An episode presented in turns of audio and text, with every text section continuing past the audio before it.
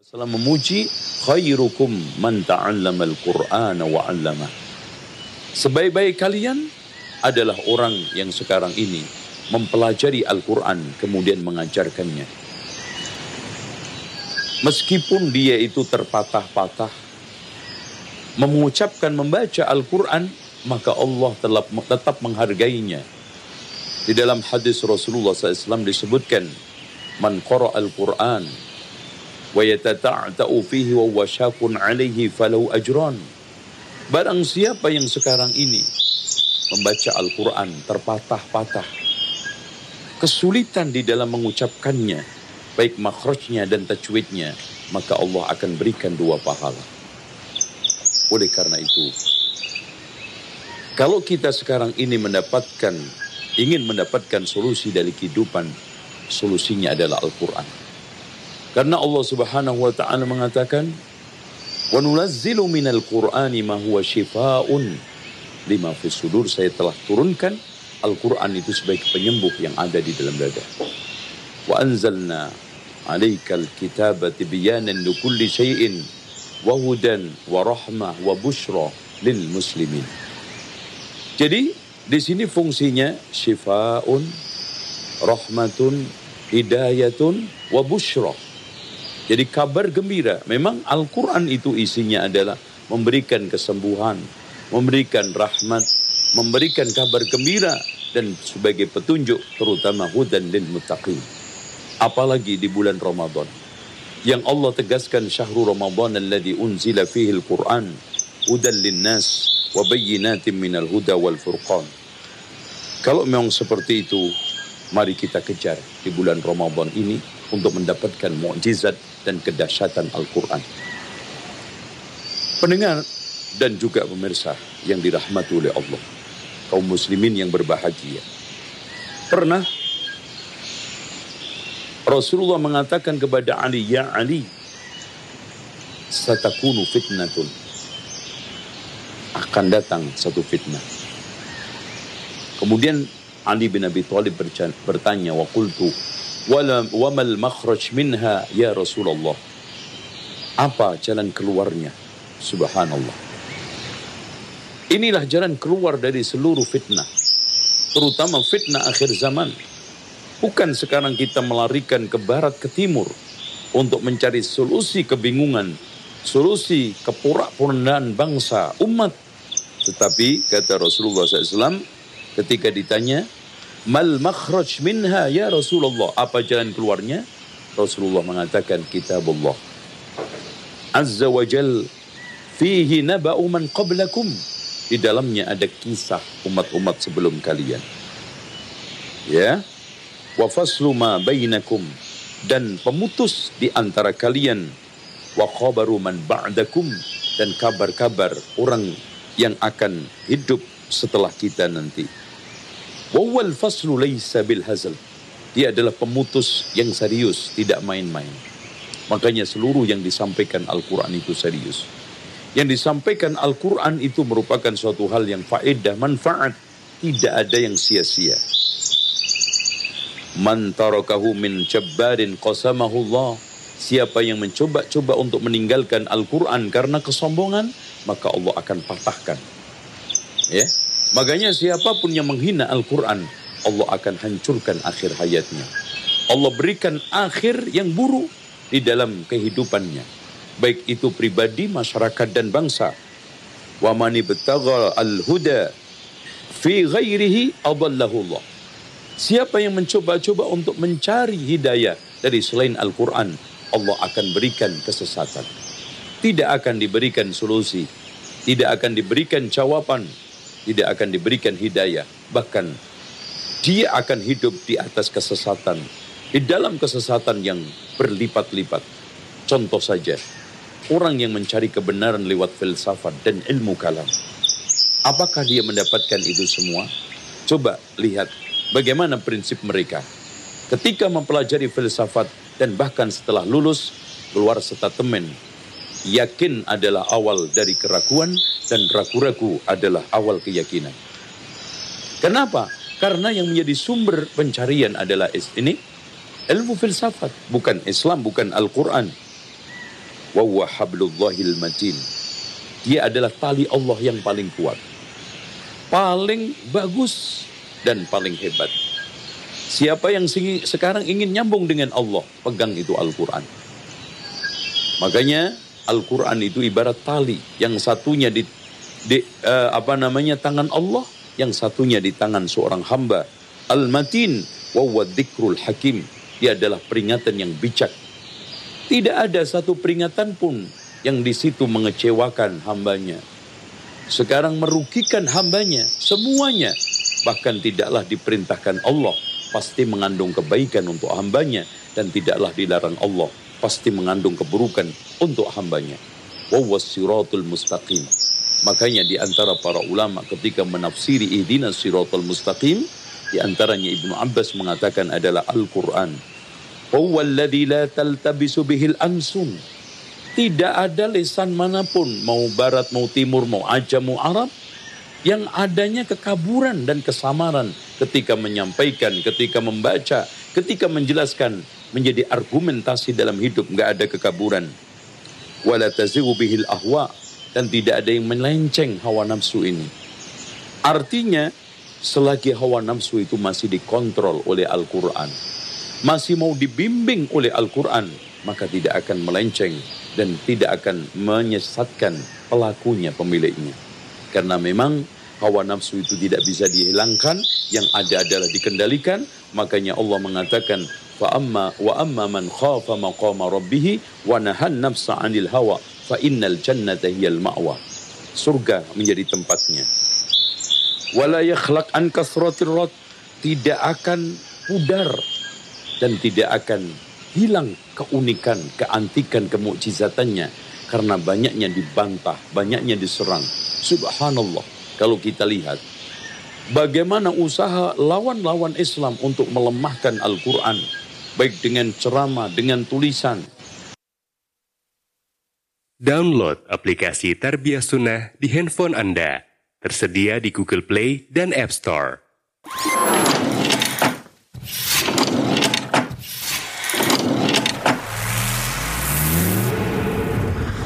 Tarbiyah Sunnah Channel. Lillah, nyunnah, merenah. Rasulullah ashabihi wa mawalah. Wa ba'd. Anak-anakku sekalian, para santri di Ma'had Tahfidz Quran uh, Tarbiyah Sunnah Bandung.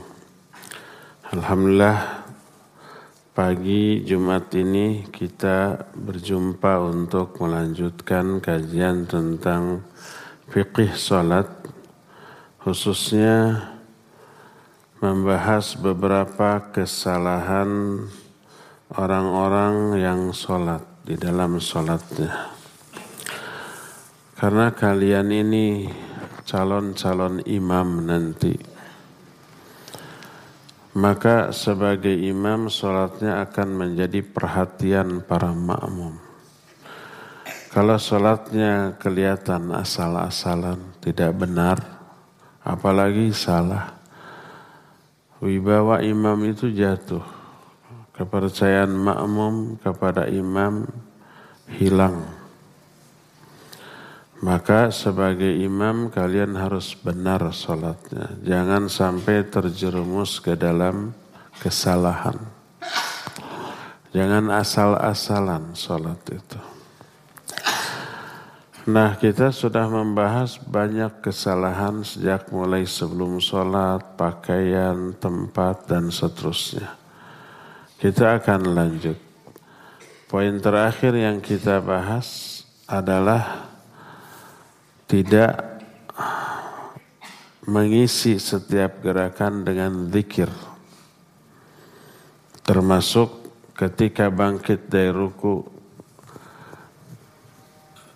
menuju berdiri, zikirnya kan sami Allahu liman hamidah. Kalau di tempat lain Allahu Akbar kan. Khusus bangkit dari ruku Sami Allahu liman hamidah. Setelah berdiri baru Rabbana walakal hamdu. Salah satu kesalahan makmum di dalam salat ketika bangkit dari ruku tidak membaca sami Allahu liman hamidah. Tapi langsung Rabbana walakal hamdu ketika bergerak. Padahal Rabbana walakal hamdu adalah zikir ketika berdiri tidak. Itu sudah kita terangkan. Sekarang kita teruskan kesalahan berikutnya adalah ada mutuma'ninah fir ruku wal i'tidal was sujud wal julus. Tidak adanya tumaninah baik ketika ruku, ketika i'tidal, ketika sujud atau ketika duduk di dalam solat tidak tumanina. Apa makna tumanina? Secara bahasa tumanina itu tenang, tidak terburu-buru. Maknanya ada jeda berhenti ketika ruku. Selama rukunya ada berhenti dalam keadaan ruku. Ketika itidal berdiri juga ada berhenti beberapa saat ketika berdiri. Sujud juga begitu. Kalau tidak itidal, rukuknya itu belum sempurna, baru bungkuk langsung bangkit. Terus ketika berdirinya belum sempurna, langsung sujud lagi. Ketika si kening baru aja antal antal tanahnya nempel di tempat sujud langsung Eh, bangkit untuk duduk. Duduk belum tegak sudah sujud lagi. Kebayang bacaannya ngebut. Kadang-kadang bacaan ruku dibaca ketika bergerak. Jadi ketika ketika berdiri Allahu Akbar. Kemudian rukunya belum sempurna udah baca subhanallah subhanallah subhanallah jadi ketika rukun selesai langsung sami Allah liman hamidah rabbana walakal hamdu itu di jalan ketika menuju sujud. Itu namanya apa? Tidak tumanina. Padahal tumanina itu rukun sholat. Siapa yang tidak melakukan tumanina dalam sholat, tidak sah sholatnya alias batal. Ada banyak riwayat tentang hal ini di antaranya sebuah hadis dari Zaid bin Wahab dia berkata ra'a Hudzaifatu rajulan la yutimmu ruku' was sujud. Qal ma sallait. Walau mutta mutta ala ghairi al-fitrati allati fatara Allahu Muhammadan sallallahu alaihi wasallam. Suatu saat Hudzaifah al-Yamani seorang sahabat Nabi melihat ada seseorang salat tapi dia tidak menyempurnakan rukunya ataupun sujudnya. Tadi seperti tadi ngebut, rukunya belum sempurna sudah langsung berdiri. Berdiri belum sempurna sudah langsung sujud. Baru saja kening ini nempel di tempat sujud langsung bangkit lagi. Gak sempurna. Maka kata Nabi, kata Hudzaifah, ma kamu belum sholat. Seandainya kamu mati dalam keadaan seperti ini, berarti kamu mati bukan di atas agama yang Allah turunkan kepada Nabi Shallallahu Alaihi Wasallam. Dianggap tidak sah. Dan asar ini menunjukkan wajibnya tumaninah dalam seluruh gerakan sholat. Mengabaikannya membatalkan sholat karena apa? Karena kata Hudzaifah, "Masalaita, kamu belum sholat." Artinya sholat tadi tidak sah. Sama kasusnya dengan sebuah hadis yang diterima dari Abu Hurairah radhiyallahu an.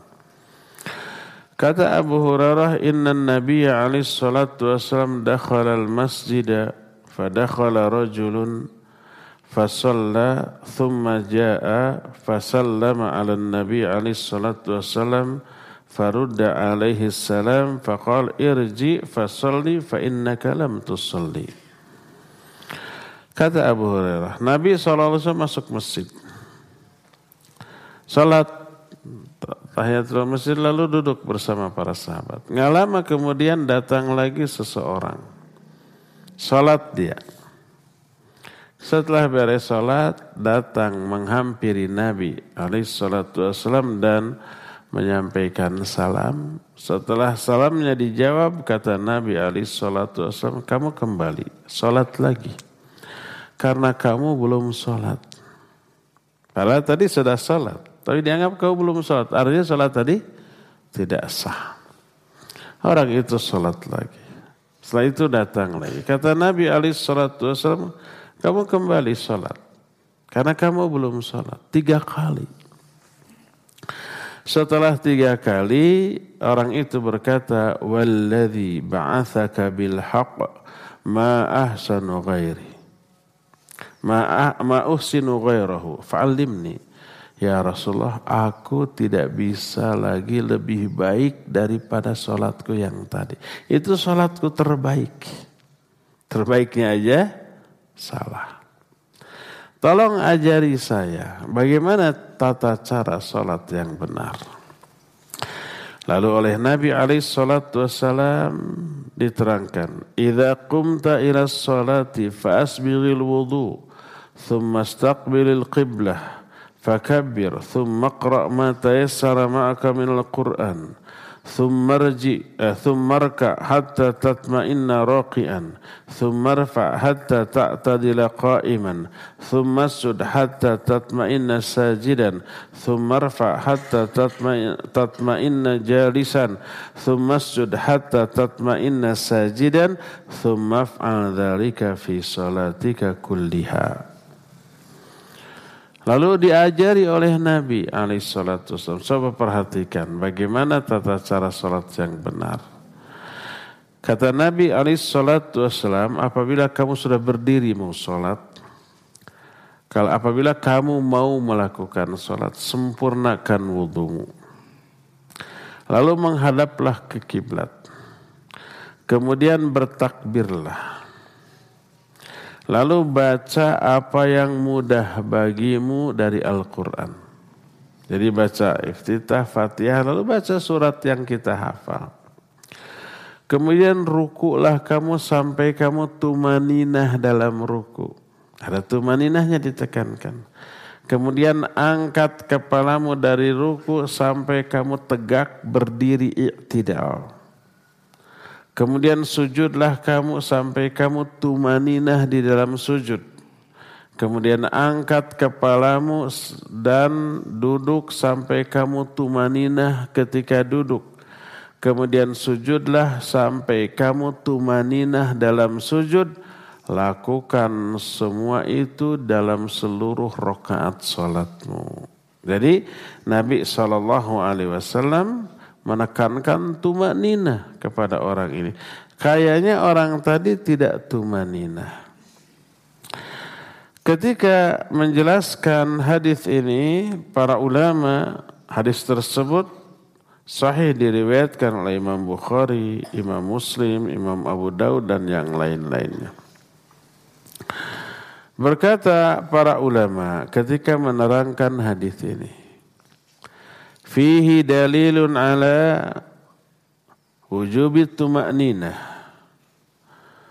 wa anna man tarakaha lam yaf'al ma umira bih. Fayabqa mutalaban bil amr. Fata'ammal amrahu bituma'ninah fil ruku wal i'tidal wal raf'i min. Fa innahu la yakfi mujarradu tumanina fil ruk ruknil raf'i hatta ta'tadila qa'ima. Di dalam hadis ini terkandung dalil wajibnya tumak Itu bangunkan tuh.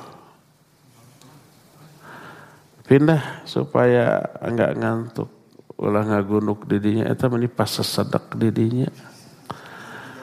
Jadi oksigen yang dihirup kurang. Pindah-pindah ke sebelah sana, ke yang luas, ke yang luas. Ini santri-santri baru masih dimaklumi ya. Jangan pas sesedek begitu. Jangan terlalu dekat. Salah satu penyebab ngantuk kurangnya oksigen nih ke otak. Salah satu penyebab kurangnya oksigen karena terlalu berdesak-desakan. Oksigennya berebut. Yang terhirup nanti karbon dioksida yang keluar dari nafas teman kita. Itu yang membuat kita apa? Ngantuk. Makanya renggangkan, luaskan. Kan masih agak luas tempatnya. Hei, tong pas sesedak ting, mundur, mundur, mundur. Ini maju, ini maju, maju, maju, maju, maju. Tegak. Atur nafas biar tidak ngantuk.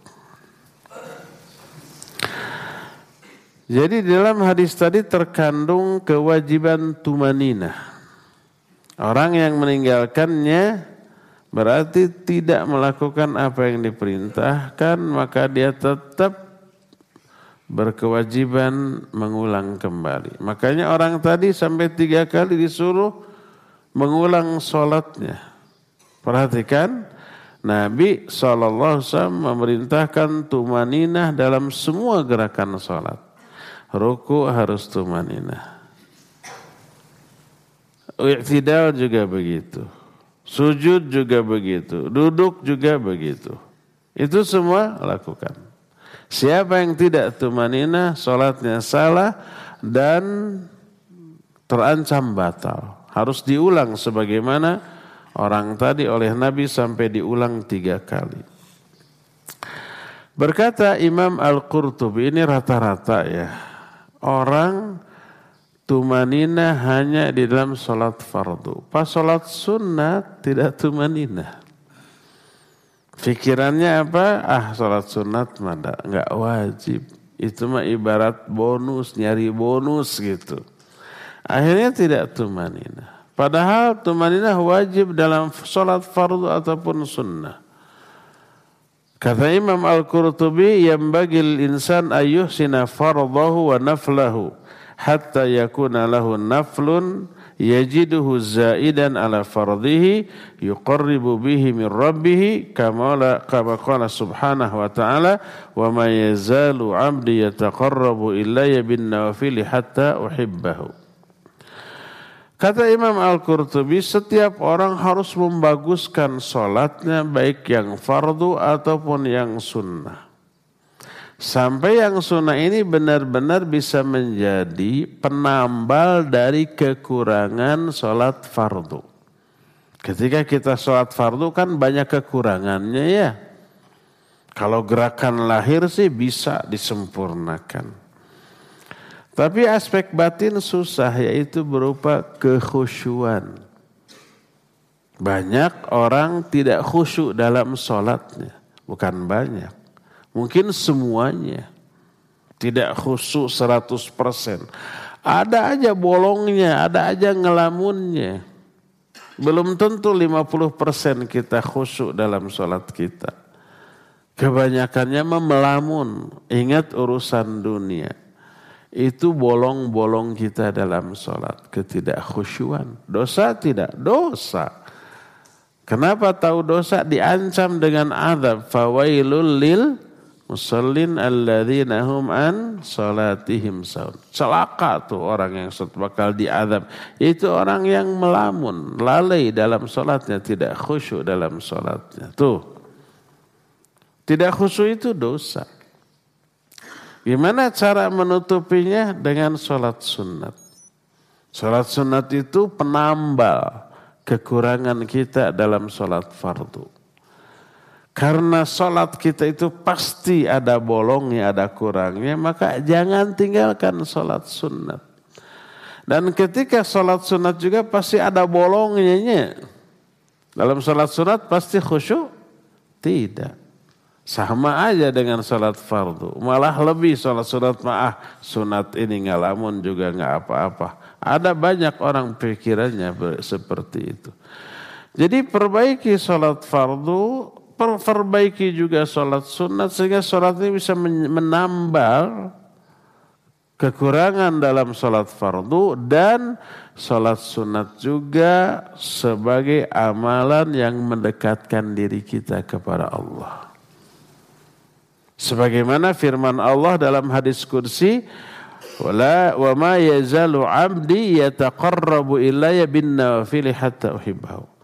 Seorang hamba terus-terus mendekatkan dirinya kepadaku dengan solat-solat sunnat, dengan amalan-amalan sunnat. Sampai aku mencintainya. Jadi salat sunat pun juga merupakan amalan yang bisa mendekatkan diri kepada Allah. Jadi hukum salat sunat, tata caranya, kualitas kekhusyuannya tidak boleh dibedakan dengan salat fardu. Sempurnakan sholat fardu, tapi sesempurna apa pun pasti ada bolongnya, ada kurangnya. Tutupi kekurangan itu dengan sholat sunat, asal sholat sunatnya juga benar-benar baik seperti sholat fardu. Inilah yang banyak dilalaikan oleh orang. Sampai-sampai banyak imam masjid, imam sholat. Ketika sholat, fardu bacaannya tartil, benar. Terus gerakannya juga tumanina.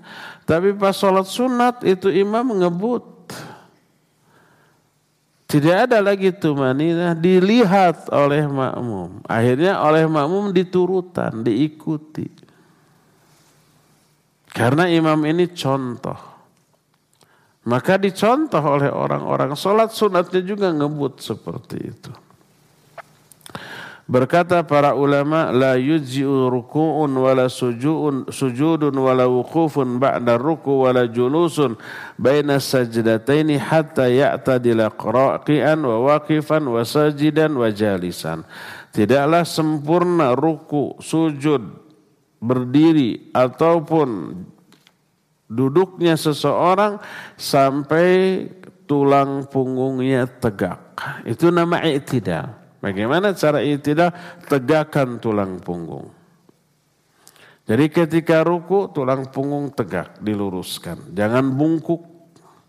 Jangan kayak kucing ketemu musuh. Pernah ketemu melihat kucing ketemu musuh ngecurung kunung gitu ya ngajurung kunung teh apa bahasanya semen menjurung kunung jadi si si punggungnya itu melengkung. Pernah lihat kucing gitu? Jangan sesampai seperti itu. Tegakkan tulang punggung. Ketika tidak tegakkan tulang punggung. Ketika sujud juga tegakkan tulang punggung. Ketika eh, duduk tegakkan tulang punggung. Jangan jangan ini banyak istilah dalam bahasa Sunda yang tidak ada dalam bahasa Indonesia. Ketika duduk jangan bongkok meongen. Meong itu apa tahu meong? Ya meong teh ucing atau mau. Bongkok meong ke meongen teh walaupun berdiri atau duduk begini tidak tegak. Ini namanya bongkok meongen tegak. Ketika berdiri tegak, ketika uh, ruku menegakkan tulang punggung, ketika sujud juga begitu, ketika duduk di antara dua sujud juga begitu. Bersabda Rasul sallallahu alaihi wasallam dalam hadis yang diriwayatkan oleh Imam Ahmad, Abu Daud, At-Tirmidzi dan yang lain-lain dengan sanad yang sahih, la tujzi'u salatul rajul hatta yuqima dhahrahu fir ruku'i was sujud. Tidaklah sempurna sholat seseorang sampai orang itu menegakkan tulang punggung ketika ruku dan ketika sujud. Kata Nabi SAW, I'tadilu fir ruku'i was sujud. I'tidallah kamu ketika ruku dan sujud. Maksud i'tidal ketika ruku dan sujud adalah menegakkan tulang punggung ketika ruku dan ketika sujud. Bahkan orang yang terlalu cepat ketika melakukan gerakan-gerakan sholat, orang itu disebut dengan sebutan pencuri, bahkan seburuk-buruk pencuri. Sebagaimana Rasul Shallallahu Alaihi Wasallam Dalam sebuah hadis yang diterima dari Abu Qatadah radhiyallahu an kata beliau aswa'un nasi sirqatan alladhi yasriqu min salati la yutimmu ruku'aha wala sujudaha wala khusyu'aha au qala la yuqimu salbahu fir ruku'i was sujud Seburuk-buruk orang yang mencuri, seburuk-buruk pencuri adalah mencuri di dalam sholat.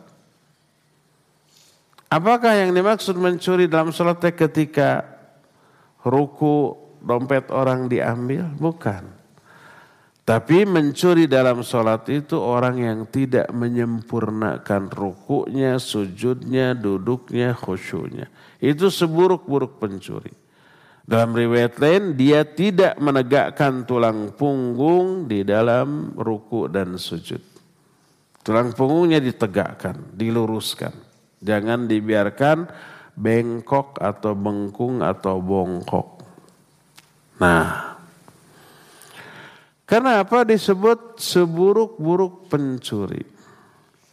Karena yang dicuri bukan hak manusia, tapi hak Allah. Kalau kita, eh jangan kita lah. Kalau orang mengambil uang orang lain, barang orang lain, pencuri kan namanya. Yang dicuri apa? Hak orang lain. Di dalam sholat ada hak Allah yang harus ditunaikan. Gerakan-gerakan sholat kita itu hak Allah. Bagaimana kita mengangkat kedua tangan, bagaimana kita bersedekap, bagaimana kita ruku, kita berdiri, kita sujud, kita duduk. Itu semua kan hak Allah yang harus kita tunaikan. Tapi kemudian kita tidak tunaikan. Kita ambil hak Allah itu. Maka mencuri hak Allah lebih buruk daripada mencuri hak sesama manusia. Maka disebut dengan sebutan aswa'un nas sirqatan. Pencuri yang paling buruk karena dia mencuri hak Allah. Bukan mencuri hak sesama manusia. Manusia tidak ada yang dirugikan. Tapi hak Allah yang harus kita tunaikan tidak kita tunaikan. Maka yang dia curi adalah hak Allah Azza. Nah, Rasul Shallallahu Alaihi Wasallam melarang orang sholat seperti burung atau unggas mematuki makanan. Apa aja burung atau ayam atau gagak atau apa pun ketika memakan makanan berupa biji-bijian atau beras. Bagaimana cara mereka mematuk? Cepat ya, tok gitu ya. Tok, tok, tok. Jadi 10 biji tok, tok, tok, tok, tok. Hanya dalam beberapa detik habis. Jangan sampai sujud kita seperti gitu, seperti ayam matuk. Jadi baru aja si kening nempel di tempat sujud sudah langsung. Kayak ayam matuk tadi. Ini dilarang dan itu disebut oleh Nabi alaihissalam dengan sebutan salatnya orang-orang munafik. Sebuah hadis yang diterima dari Abdurrahman bin Syabal radhiyallahu anhu. Dia berkata, Naha Rasul SAW an nukratil ghurab wa iftirashi saba' wa ayyutina rajulu makana fil masjidi hat kama yutinul ba'ir. Nabi Shallallahu Alaihi Wasallam melarang kita dengan tiga larangan. Ini ketika sholat semuanya. Tiga-tiganya melarang menyerupai perilaku binatang di dalam sholat. Apa saja? Pertama melarang menyerupai burung gagak mematuk makanan. Tak gitu cepat. Jangan sampai gerakan kita seperti itu. Ketika berdiri mau ruku, rukunya belum beres sudah Sami Allah liman hamidah. Berdiri belum tegak sudah Allahu Akbar sujud lagi. Ini baru aja nempel sudah Allahu Akbar duduk lagi itu seperti burung gagak mematuk makanan. Dilarang keras. Kedua dilarang iftirasyus saba, dilarang menghamparkan kedua tangan ketika sujud seperti binatang buas. Coba apa binatang buas sebutkan. Yang kita lihat ada di sini. Bukan di sini di lingkungan kita apa? Kucing, gogog, kalau yang tidak ada di sini, adanya di hutan, di kebun binatang, apa? Singa, harimau, macan. Gitu. Pernah lihat gogog atau kucing duduk? Pernah lihat? Bukan duduk, depa. Tahu depa? Jadi mereka itu menghamparkan kedua kaki depannya sampai sikut. Kan gitu ya? Itu yang dilakukan. Dilarang keras kita sujud seperti itu. Menyerupai binatang. Awas kalian hati-hati ketika sujud, sikut jangan sampai kena. Tapi angkat sikutnya. Yang kena hanya telapak tangan. Bagian sikut hasta ini nggak boleh kena begini. Angkat. Dilarang keras menyerupai binatang ketika sujud. Ini yang kedua. Jadi yang pertama nggak nggak boleh cepat gerakannya seperti burung gagak matukin makanannya. Yang kedua tidak boleh menghamparkan kedua tangan sampai sikut ketika sujudnya. Ketiga dilarang juga seseorang menetap di tempat tertentu di masjid seperti unta yang menetap di tempat tertentu secara rutin. Unta saya juga nggak tahu, tapi begitulah keterangan para ulama. Unta itu punya kebiasaan. Salah satu kebiasaan dia itu menetap di tempat tertentu kalau duduk di sana. Terus saja tiap saat duduk di sana, tidak pernah berpindah.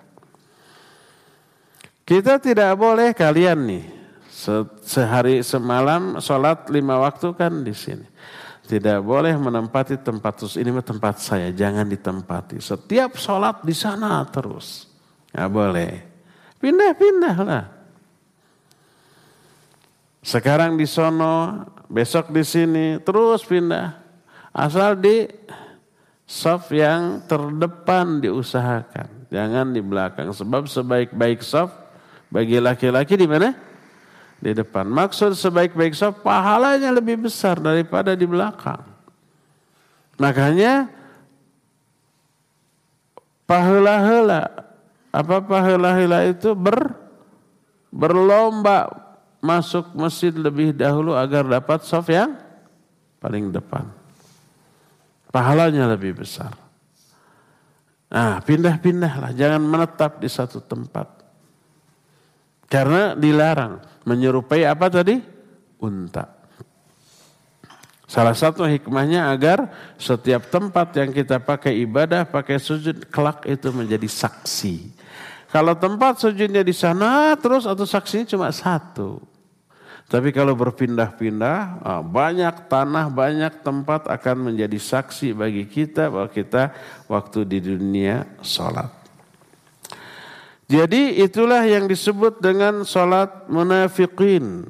Sebagaimana perkataan Rasul sallallahu alaihi wasallam kepada orang seperti itu, beliau menyatakan tilka salatul munafiq.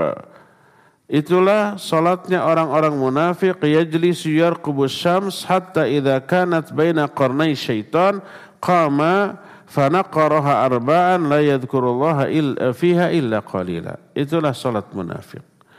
Salah satu sholat orang munafik adalah dia sholat asar diakhirkan sampai ketika matahari ada di antara dua tanduk setan. Barulah dia berdiri lalu mematuk dalam sholatnya empat rakaat. Mematuk itu cepat seperti ayam mematuk makanan. Dan dia tidak mengingat Allah dalam sholatnya kecuali hanya sedikit saja. Di sini dikatakan orang munafik kalau sholat asar hampir di akhir waktu. Ketika matahari ada di antara dua tanduk setan. Laknatullahi alaih. Oh gimana yang dimaksud matahari ada di antara dua tanduk setan. Kan matahari besar apa kecil? Besar. Di antara dua tanduk setan. Berarti setannya besar? Bukan, bukan begitu. Tapi hadis ini menyatakan setan punya tanduk. Kayak kambing, iya kayak tam kambing. Tapi wallahu alam apakah tanduknya itu seperti kambing atau seperti rusa kan beda binatang juga tanduknya. Gimana setan? Wallahu alam. Saya sendiri belum lihat dan nggak mau lihat. Tapi yang jelas setan bertanduk. Sampai ada kisah yang lucu tentang Imam Al-Qurtubi. Tapi nanti ajalah ceritakannya kapan-kapan. Jadi ada maghrib-maghrib gitu. Imam Al-Qurtubi dengan salah satu kawannya waktu masih menjadi santri. Imam Al-Qurtubi itu terkenal pemberani. Pas pada maghrib Ketika sedang zikir di rumahnya, tiba-tiba pintunya ada yang seperti menabrak berkali-kali. Brok, brok. Ada salah seorang temannya, oh jam segini pasti setan itu gitu. Setan. Akhirnya coba lihat kata Imam Enggak mau lihat, dilihat. Dalam bayangan dia kan setan itu bertanduk. Ketika dilihat dalam keadaan gelap, Dibuka pintu ternyata ditubruk oleh sesuatu yang bertanduk. Wah setan sampai pingsan. Melihat begitu Imam Al-Qurtubi lari kemudian menghampiri dipegang tanduk itu sampai baca ayat kursi. A'udzubillahi minka, a'udzubillahi. Ini nggak hilang juga. Dalam keadaan begitu datang orang. Oh ini kambing saya lepas ke situ. Ternyata kambing. Dalam keadaan gelap. Yang dimaksud matahari berada di antara dua tanduk setan adalah ketika seseorang sholat di akhir waktu asar menjelang maghrib. Matahari kan mau apa? Mau terbenam. Setan berdiri di hadapan orang yang sholat tersebut ke arah matahari. Sehingga kalau setan itu terlihat oleh orang yang sholat, maka posisi matahari berada dalam di antara dua tanduk setan dalam pandangan orang yang sholat itu. Mataharinya jauh di sana kelihatan kecil padahal besar ya. Seperti begini kita lihat matahari mau terbit, kita ginikan anu kita apa namanya jari kita. Nah, pas matahari terbit, pas berada di antara jempol dan telunjuk kita. Bisa nggak gitu? Ya. Nuh lampu. Nih lampu ini lamparan saya berada di antara dua jari saya. Kayak gitu maksudnya. Lampunya jauh di sana. Mataharinya besar jauh di sana tapi karena jauh kelihatan kecil. Ketika orang sholat asar di akhir waktu, setan berdiri di hadapannya. Maka andai setan itu terlihat, maka matahari akan terlihat seperti terletak di antara dua tanduk setan. Karena mau berakhir sholat asar dia ngebut. Takut keburu habis. Kata Nabi SAW itulah sholatnya orang munafik. Dua, diakhirkan sholat itu dari waktunya. Yang kedua ngebut. Baik di awal, di tengah atau di akhir. Kalau ngebut itu tata cara sholat munafikin. Kalau diakhirkan walaupun tidak ngebut alias santai maka itu pun termasuk sholatnya orang munafik. Hindarkan.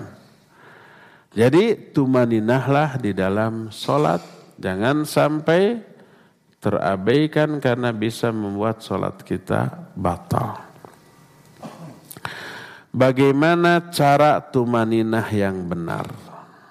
Nanti ini akan kita terangkan Jumat yang akan datang ya.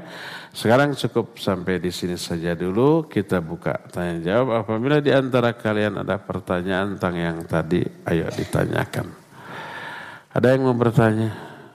Anak-anak yang tadi ngantuk. Ah, raja, raja itu tuh.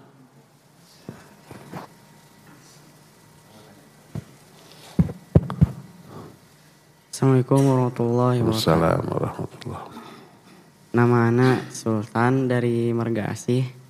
Saat izin bertanya. Eh, Di masjid di dekat rumah anak ketika kita masbuk lalu kita mundur dan salah satu orang tidak mundur karena menjadi imam. Jadi setelah masbuk eh, kita sholat berjamaah lagi apakah diperbolehkan? Iya, seorang raja namanya Sultan dari Marga Asih bertanya, kalau masbuk boleh nggak membentuk jamaah lagi? Ada lima orang yang masbuk baru masuk rokaat kedua. Pas imam salam lima orang ini kan berdiri lagi nambah ya. Apakah harus berjamaah lagi atau tidak? Berarti kalau berjamaah lagi imam maju satu atau yang empat mundur kan gitu ya? Apakah harus begitu? Sebenarnya ulama ikhtilaf. Ada yang menyatakan ya boleh dan itu afdol. Yang berpendapat sebenarnya atas Syekh bin Baz rahimahullah. Berdasarkan keumuman hadis, Salatul jamaati afdalu min salatil faddi bisab'in wa ishrina darajah. Salat berjamaah itu lebih baik daripada salat sendirian dengan 27 derajat. Ini pendapat pertama. Pendapat yang kedua tidak. Kenapa? Karena hadis tadi hadis yang umum, sedang ini kasus khusus. Kemudian Nabi dan para sahabat juga tidak membuat jamaah baru seusai imam salam. Jadi sholatlah masing-masing.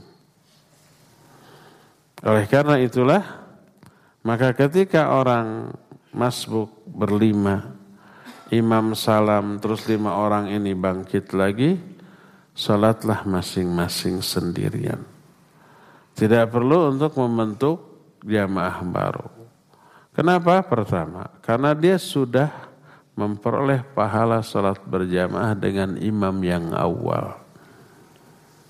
Karena dua rakaat pertama, eh, dua rakaat terakhir dia ikut dengan imam.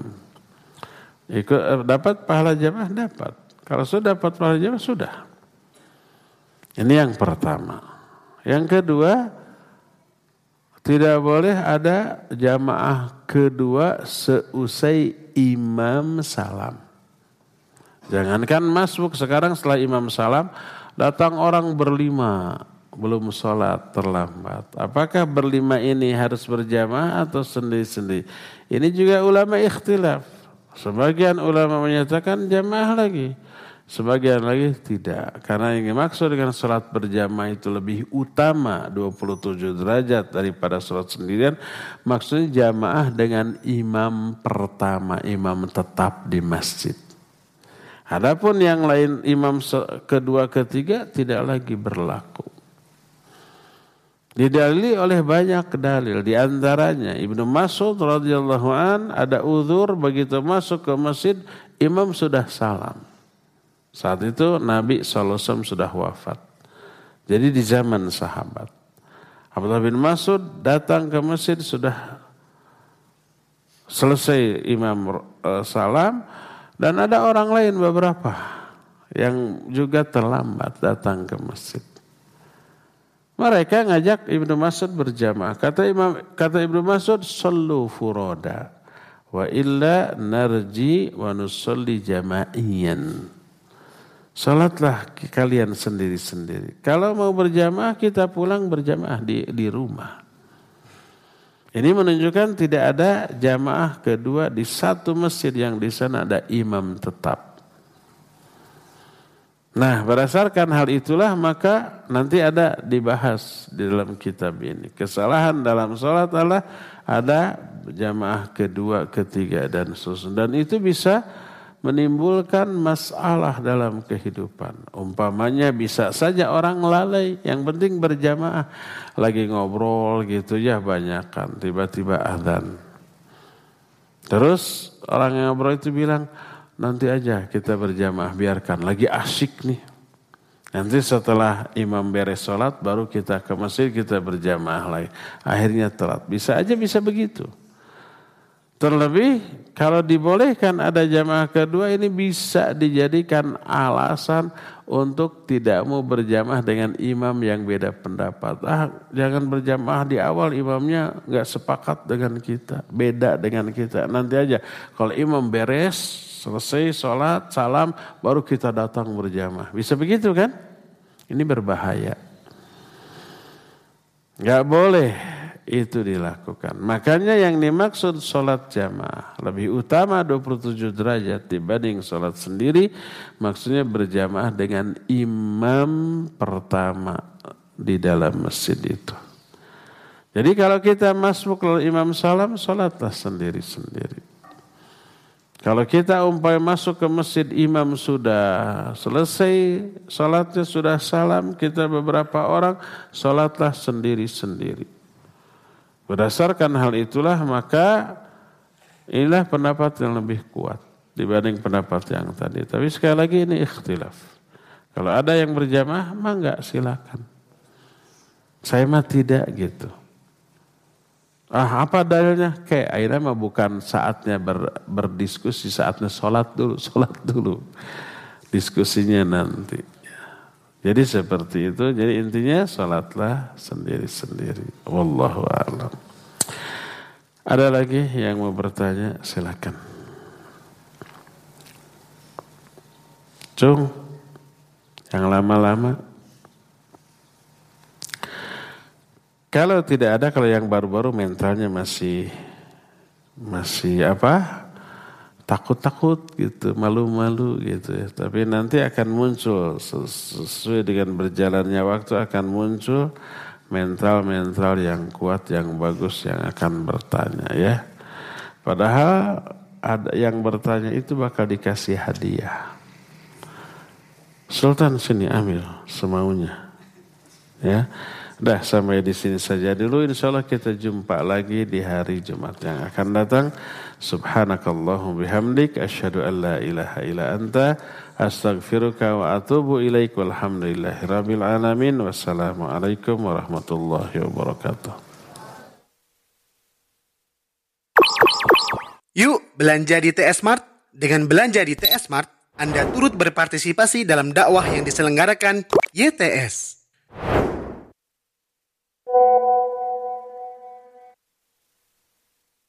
Download aplikasi Tarbiyah Sunnah di handphone Anda.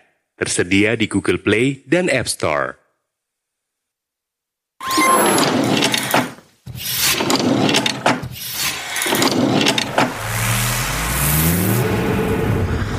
Tarbiyah Sunnah Channel. Lillah, nyunnah, merenah.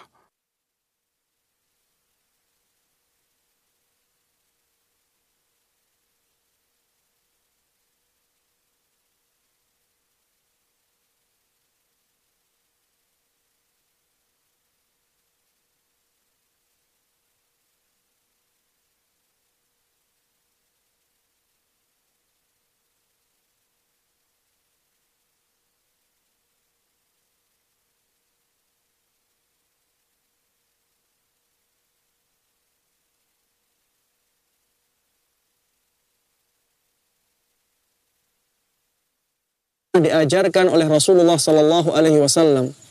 Misalnya dengan mengatakan kalau anaknya laki-laki satu dengan mengatakan u'idzuka bi kalimatillahi tammati min kulli syaitanin wa hammah wa min kulli ainin lammah. Bacaannya u'idzuka bi kalimatillahi tammah min kulli syaitanin wa hammah wa min kulli ainin lam yang artinya aku mintakan engkau perlindungan dengan kalimat-kalimat Allah yang sempurna dari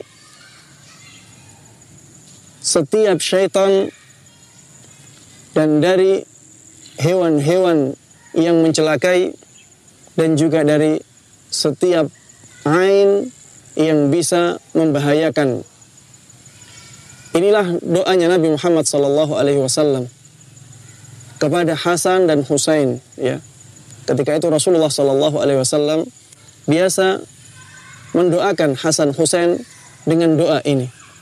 Dalam sebuah hadis disebutkan, "Kana Nabi sallallahu alaihi wasallam yu'awwidul Hasan wal Husain." Dahulu Nabi Muhammad sallallahu alaihi wasallam biasa berdoa untuk perlindungan Hasan dan Husain. Dan beliau mengatakan inna abakuma kana yu'awwidhu bihima Ismail wa Ishaq. Sesungguhnya bapak dari engkau berdua dahulu biasa meminta memintakan perlindungan untuk Ismail dan Ishak dengan doa tersebut. Doanya disebutkan A'udzu bikalimatillahi tammah min kulli syaitanin wa wa min kulli ainin lammah. Ya. Doa ini bisa kita baca juga ya. Kita sebagai orang yang dewasa ya. Kita juga rentan dengan bahaya ain ini. Banyak orang yang mungkin kagum dengan kita. Maka kita perlu untuk banyak berdoa dengan doa ini. A'udzu bikalimatillahi tammah. Min kulli syaitanin wa hammah wa min kulli ainin lammah. Aku berlindung dengan kalimat-kalimat Allah yang sempurna. Dari setiap syaitan-syaitan yang buruk, dari setiap hewan-hewan yang membahayakan, dan dari setiap bahaya ain yang bisa membinasakan. Demikian yang bisa saya sampaikan dalam video ringkas ini. Mudah-mudahan bermanfaat dan diberkahi oleh Allah Subhanahu wa taala. Terima kasih. Wassalamualaikum warahmatullahi wabarakatuh.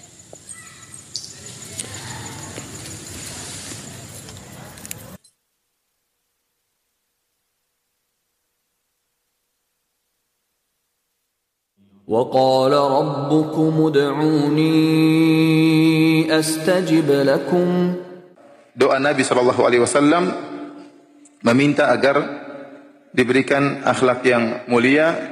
Allahumma hdini li ahsanil akhlaqi la yahdi li ahsaniha illa ant. Wasrif anni sayyi'aha la yasrifu anni sayyi'aha illa ant. Seorang berusaha hafal doa ini. Allahumma hdini li ahsanil akhlaqi. Ya Allah, tunjukkanlah aku, berilah aku jalan menuju kepada akhlak yang mulia. La yahdi li ahsaniha illa ans karena tidak ada yang bisa beri petunjuk kepada aku kepada akhlak yang terbaik kecuali engkau ya Allah. Wasrif anni sayyi'ah dan palingkanlah aku dari akhlak yang buruk. La yasrifu anni sayyi'ah illa ant. Tidak ada yang bisa memalingkan aku dari akhlak yang buruk kecuali engkau.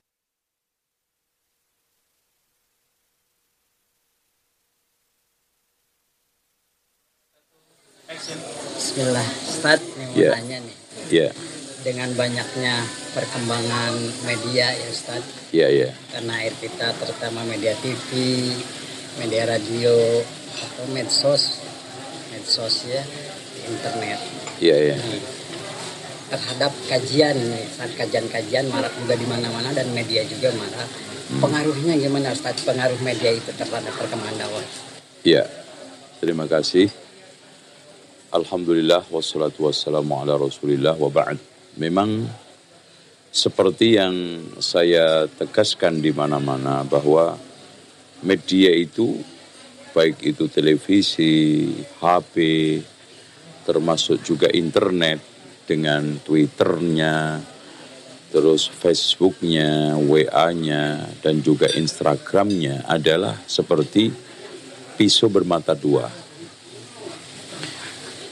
Bisa dimanfaatkan untuk menghancurkan Islam, tapi juga bisa dimanfaatkan untuk menyiarkan, memperjuangkan Islam. Nah, saya mengalami bagaimana dakwah dulu masih manual dengan sekarang bagaimana dakwah digital bahkan saya mulai rekaman-rekaman recorder itu di awal-awal tahun 1900 1997 itu memang tidak terlalu dahsyat. Tapi setelah banyaknya media masa, media digital ini pengaruhnya cukup signifikan baik positif negatifnya. Ya positifnya alhamdulillah ya. Dakwah ini banyak dikenal orang. Tapi negatifnya banyak yang kenal tapi belum banyak yang memahami dakwah ini.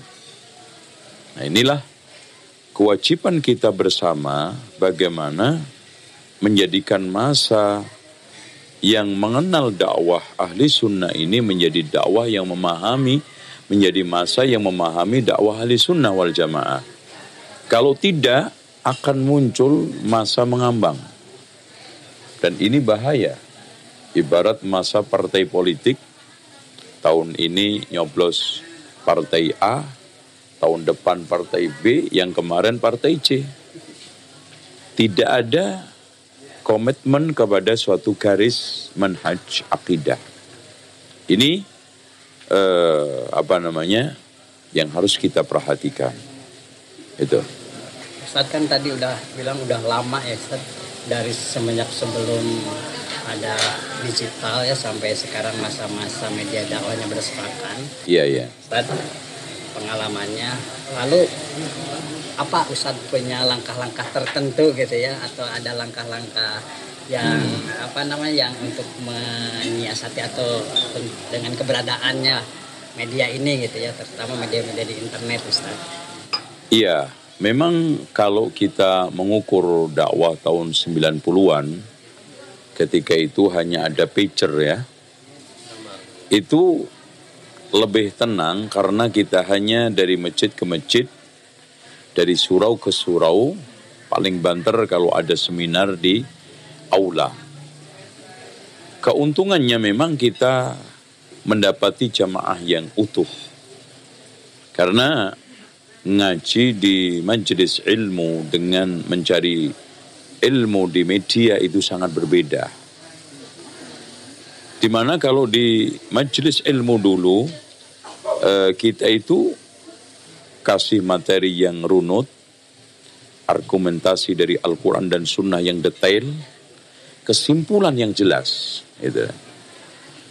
Tapi kalau sekarang kan baru mendengarkan kajian dari dari kita di majelis kita runut bagus argumentatif, lihat YouTube Ustadz diadu-adu buyar lagi itu bahkan kajian di dunia maya seperti YouTube itu ustadz itu dianggap kayak jangkrik, diadu-adu. Dan masalah yang diangkat itu nggak signifikan. Masalah-masalah fikih, masalah-masalah yang furu, bukan masalah-masalah yang manhaj. Akhirnya ini menguras tenaga, energi, menguras kuota jamaah, menguras energi otot. Wah dia mungkin ada yang mangkel ya dan yang lainnya. Makanya sering saya tekankan YouTube dan juga sosmed itu bukan tempat mencari ilmu tapi kalau sekarang ini menambah pengetahuan oke okay. kalau mencari ilmu seperti mencari nafkah ya toh datang kantor datang ke rumah kita atau kita datang ke kantor Ya kita datang ke kantor, ke pabrik. Bukan pabrik suruh datang ke rumah kita. Bukan sekarang ini perusahaan suruh datang ke kita, tapi kita datang ke perusahaan mencari. Dan beda loh kalau orang itu sekarang duduk di majelis ilmu. Pertama barokahnya majelis. Di mana malaikat datang bersimpuh. Idza marartum bidiyadil jannati farta'u. Jika kamu melalui taman surga, hendaklah bersimpuh dan juga Masya Allah Mashtama'a qawmun fi baitin min buyutillah tidaklah ada satu kaum ngumpul di rumah di antara rumah Allah ya yatluna kitab Allah wa yatadarusuna fima bainahum mengaji dan mengkaji kitab Allah إلا نزلت عليهم السكينة.